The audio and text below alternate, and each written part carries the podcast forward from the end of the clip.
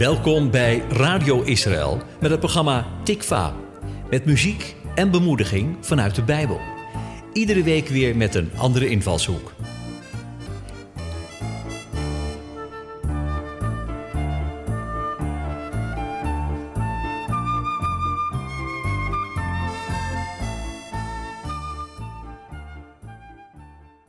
Fouten maken is menselijk, zegt een bekende uitdrukking.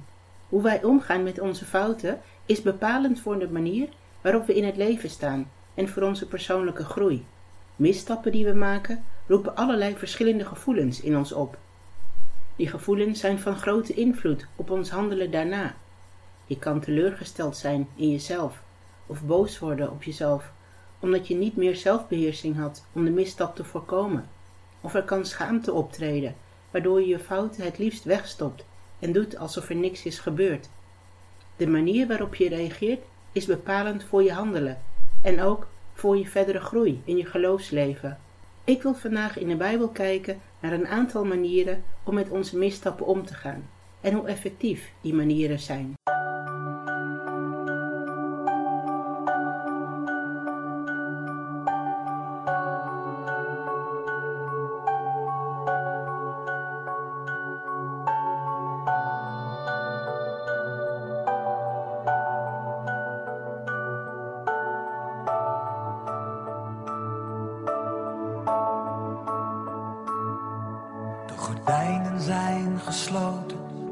In het huis waar jij nu woont. Het brandt nog wel een kaarsje, maar het haardvuur is gedoofd.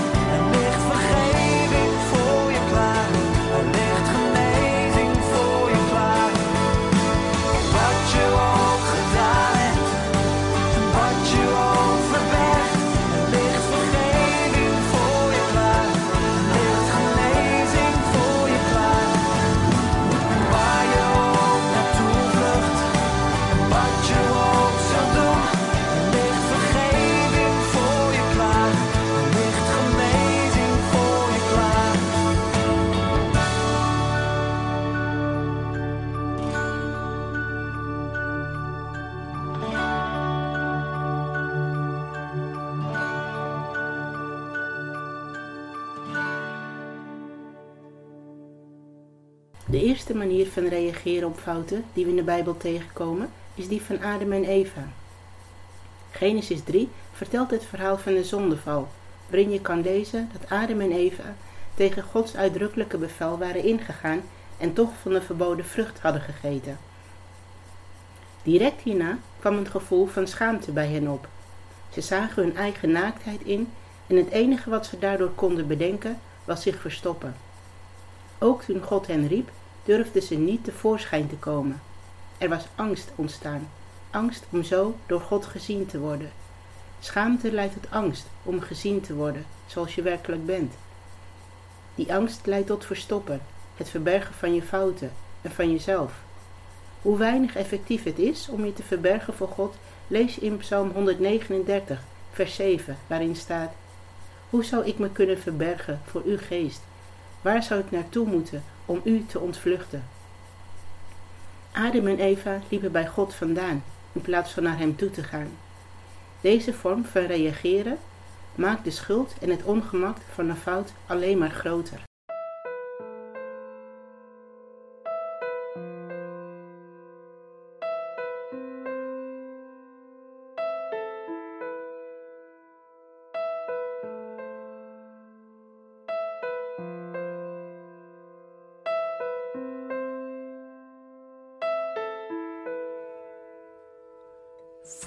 Zoekt maar nergens vindt, voor wie vecht maar zo vaak niet wint, net als ik. Voor wie gaat maar niet bereikt, voor wie liefde geeft maar niet krijgt. Weet dit, je draagt het niet alleen.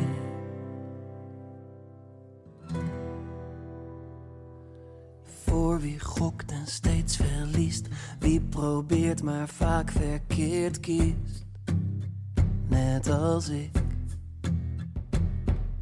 Voor wie lacht maar niet geniet, voor wie wel gelooft maar niet ziet, weet dit. Je draagt het niet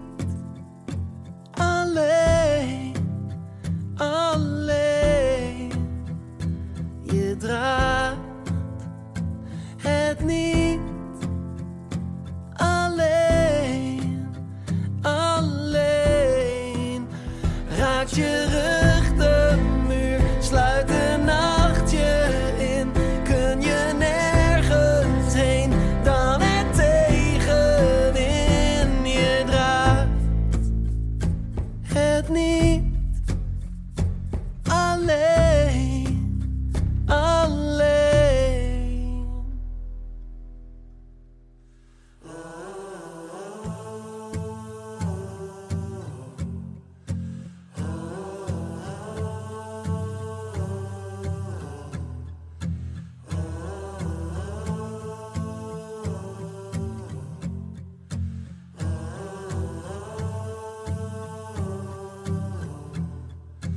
Zelfs als de hemel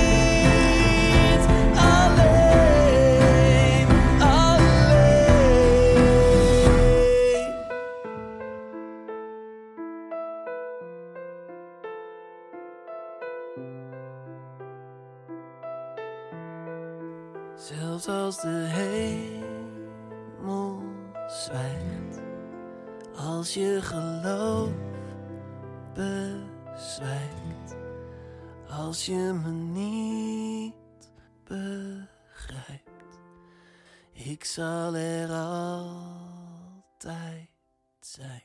Een andere manier van reageren vind je in Genesis 4, in het handelen van Kain. Hij en zijn broer Abel brachten beiden offer aan de Heer. Hierbij werd het offer van Abel wel geaccepteerd, maar dat van Kain werd afgewezen. In vers 5 van Genesis 4 lees je dat Kain zich hierdoor vernederd en boos voelde. God waarschuwde hem om niet aan dat gevoel van boosheid toe te geven, omdat hij daarmee een deur voor de zonde zou openen. In de Bijbel lezen we niks over de reactie van Kain op Gods waarschuwende woorden. Geen woorden dat hij tegen God zei dat hij het oneerlijk vond of dat hij zich achtergesteld voelde. Niks wijst erop dat hij het gesprek met God aanging om van zijn boze gevoelens af te komen. Wat we wel lezen is dat Kain zich niet uitsprak over zijn gevoelens. Hij stopte zijn gevoelens weg en besprak ze niet in de openheid, waardoor de boosheid onderhuids kon uitgroeien tot een hoogte die hem tot de moordenaar van zijn broer maakte. Ondanks de waarschuwende woorden van God om over zijn boosheid te regeren, liet Kain het gevoel van zijn boosheid toe en vermoordde daarop zijn broer Abel. Die boosheid was ook nog voelbaar toen God hem daarna vroeg waar zijn broer Abel was.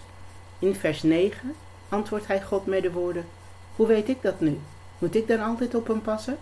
Geen woorden waar spijt uitklinkt, maar ontwijkende, boze woorden. De straf die hij uiteindelijk krijgt, vindt hij dan ook te zwaar. Deze straf is zwaarder dan ik dragen kan, zegt hij verongelijkt in vers 13. De boosheid maakte dat Kain geen verantwoordelijkheid voor zijn daden nam. Omdat hij het gevoel de vrije loop gaf, zorgde zijn boosheid voor een opeenstapeling van fouten.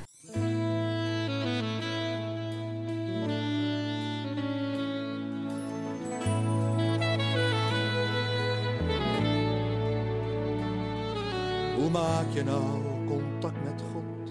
Wat is toch het geheim? Nou geloven dat Hij hier is, hier waar wij nu zijn. Hij is dichter bij je dan je denkt, je hoeft niet ver te gaan. Hij is dichter bij je dan je denkt, hij is maar één gebed bij jou vandaan.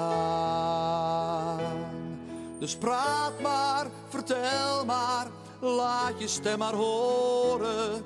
En als je dat oprecht doet, dan wordt er iets geboren. Voor hem en wat je dan ook zegt. Je zult ontdekken dat hij die je zo lief heeft, is er echt.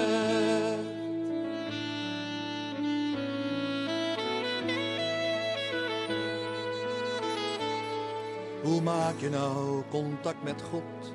Hoe maakt hij zich bekend?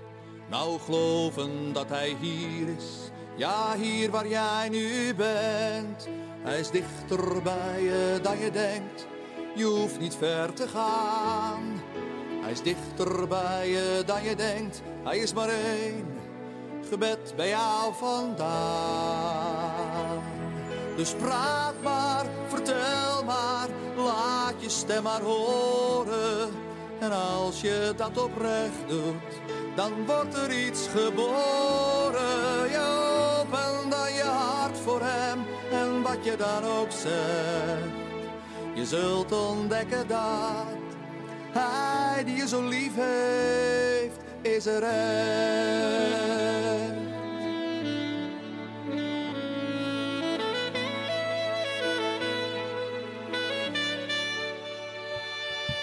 Zo maak je dus contact met God, eenvoudig als een kind. Praten met de Vader, jou de liefste vindt. Hij is dichter bij je dan je denkt, je hoeft niet ver te gaan. Hij is dichter bij je dan je denkt, hij is maar één gebed bij jou vandaan. Dus praat maar, vertel maar, laat je stem maar horen. En als je dat oprecht doet, dan wordt er iets geboren. Je dan ook zegt. Je zult ontdekken dat hij je zo lief heeft.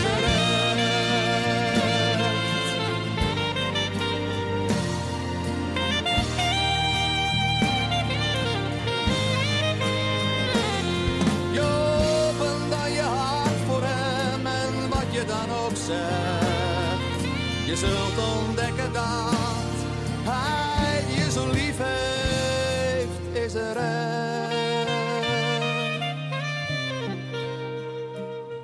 Hij is dichter bij je dan je denkt, hij is maar één gebed bij jou vandaag.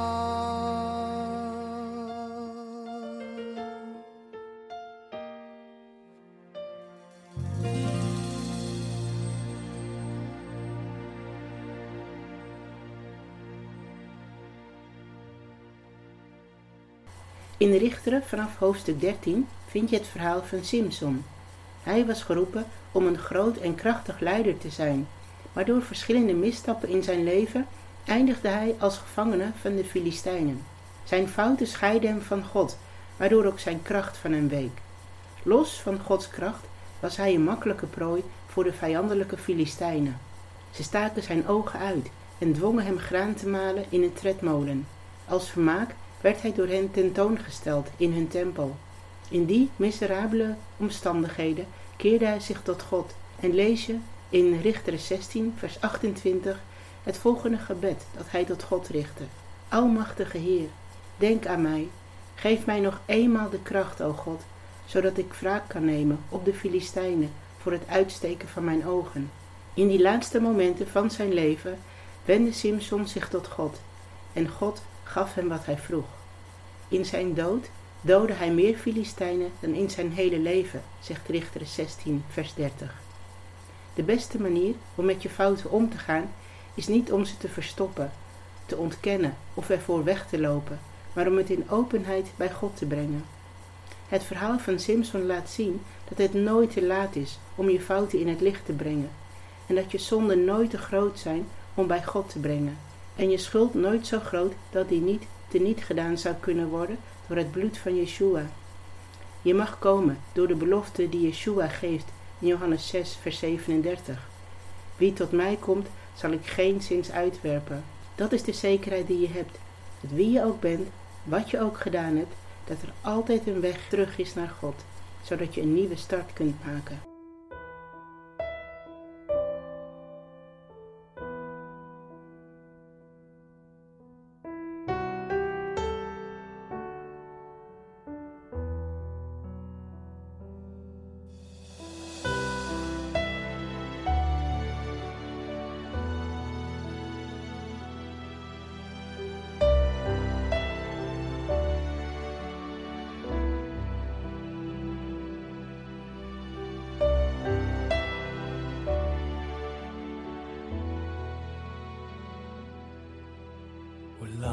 Moet dit nog doorgaan?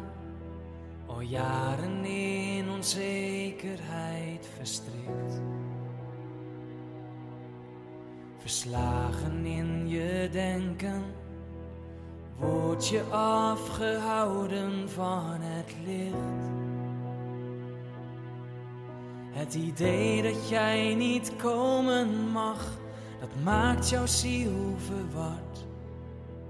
Maar hoor nu toch de roep vanuit Gods vaderhart. Oh, kom naar huis, mijn kind. Oh, kom naar huis, de tijd die dringt. Nog nooit is iemand te vergeefs naar Jezus toegegaan. Geloof en keer je om naar Hem. Neem Hem als je redder.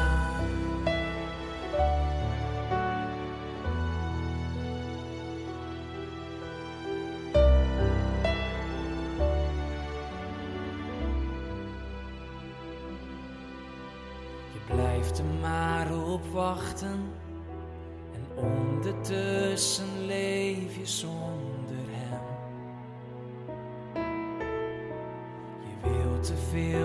ervaren en hoopt op een bijzonder harde stem.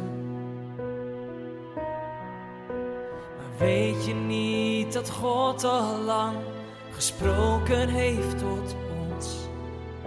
Zijn woord belooft je vrede als je tot hem komt. Dus kom naar huis,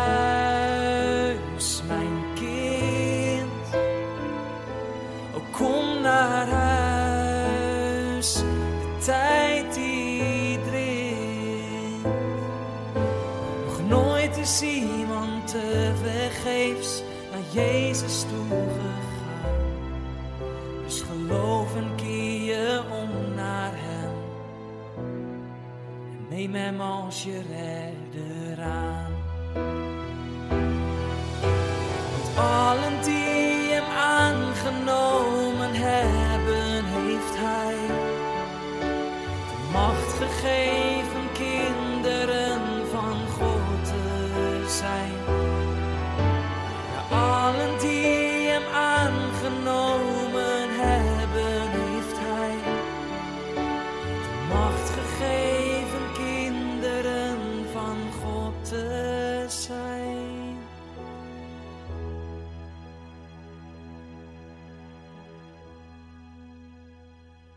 Dus kom naar huis, mijn kind.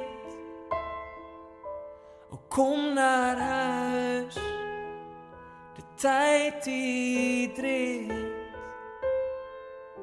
Nog nooit is iemand te vergeefs naar Jezus toegegaan.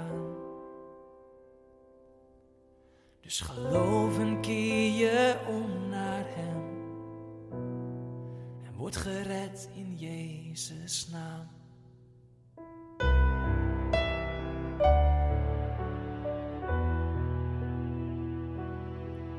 Word gered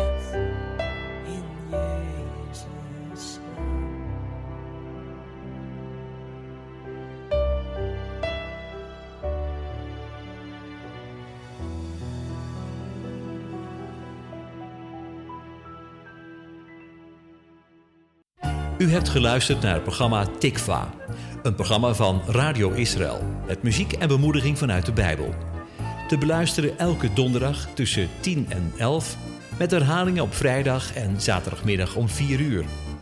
Als je wilt reageren op deze uitzending, dan kan dat door een mail te sturen naar reactie apenstaartje radioisrael.nl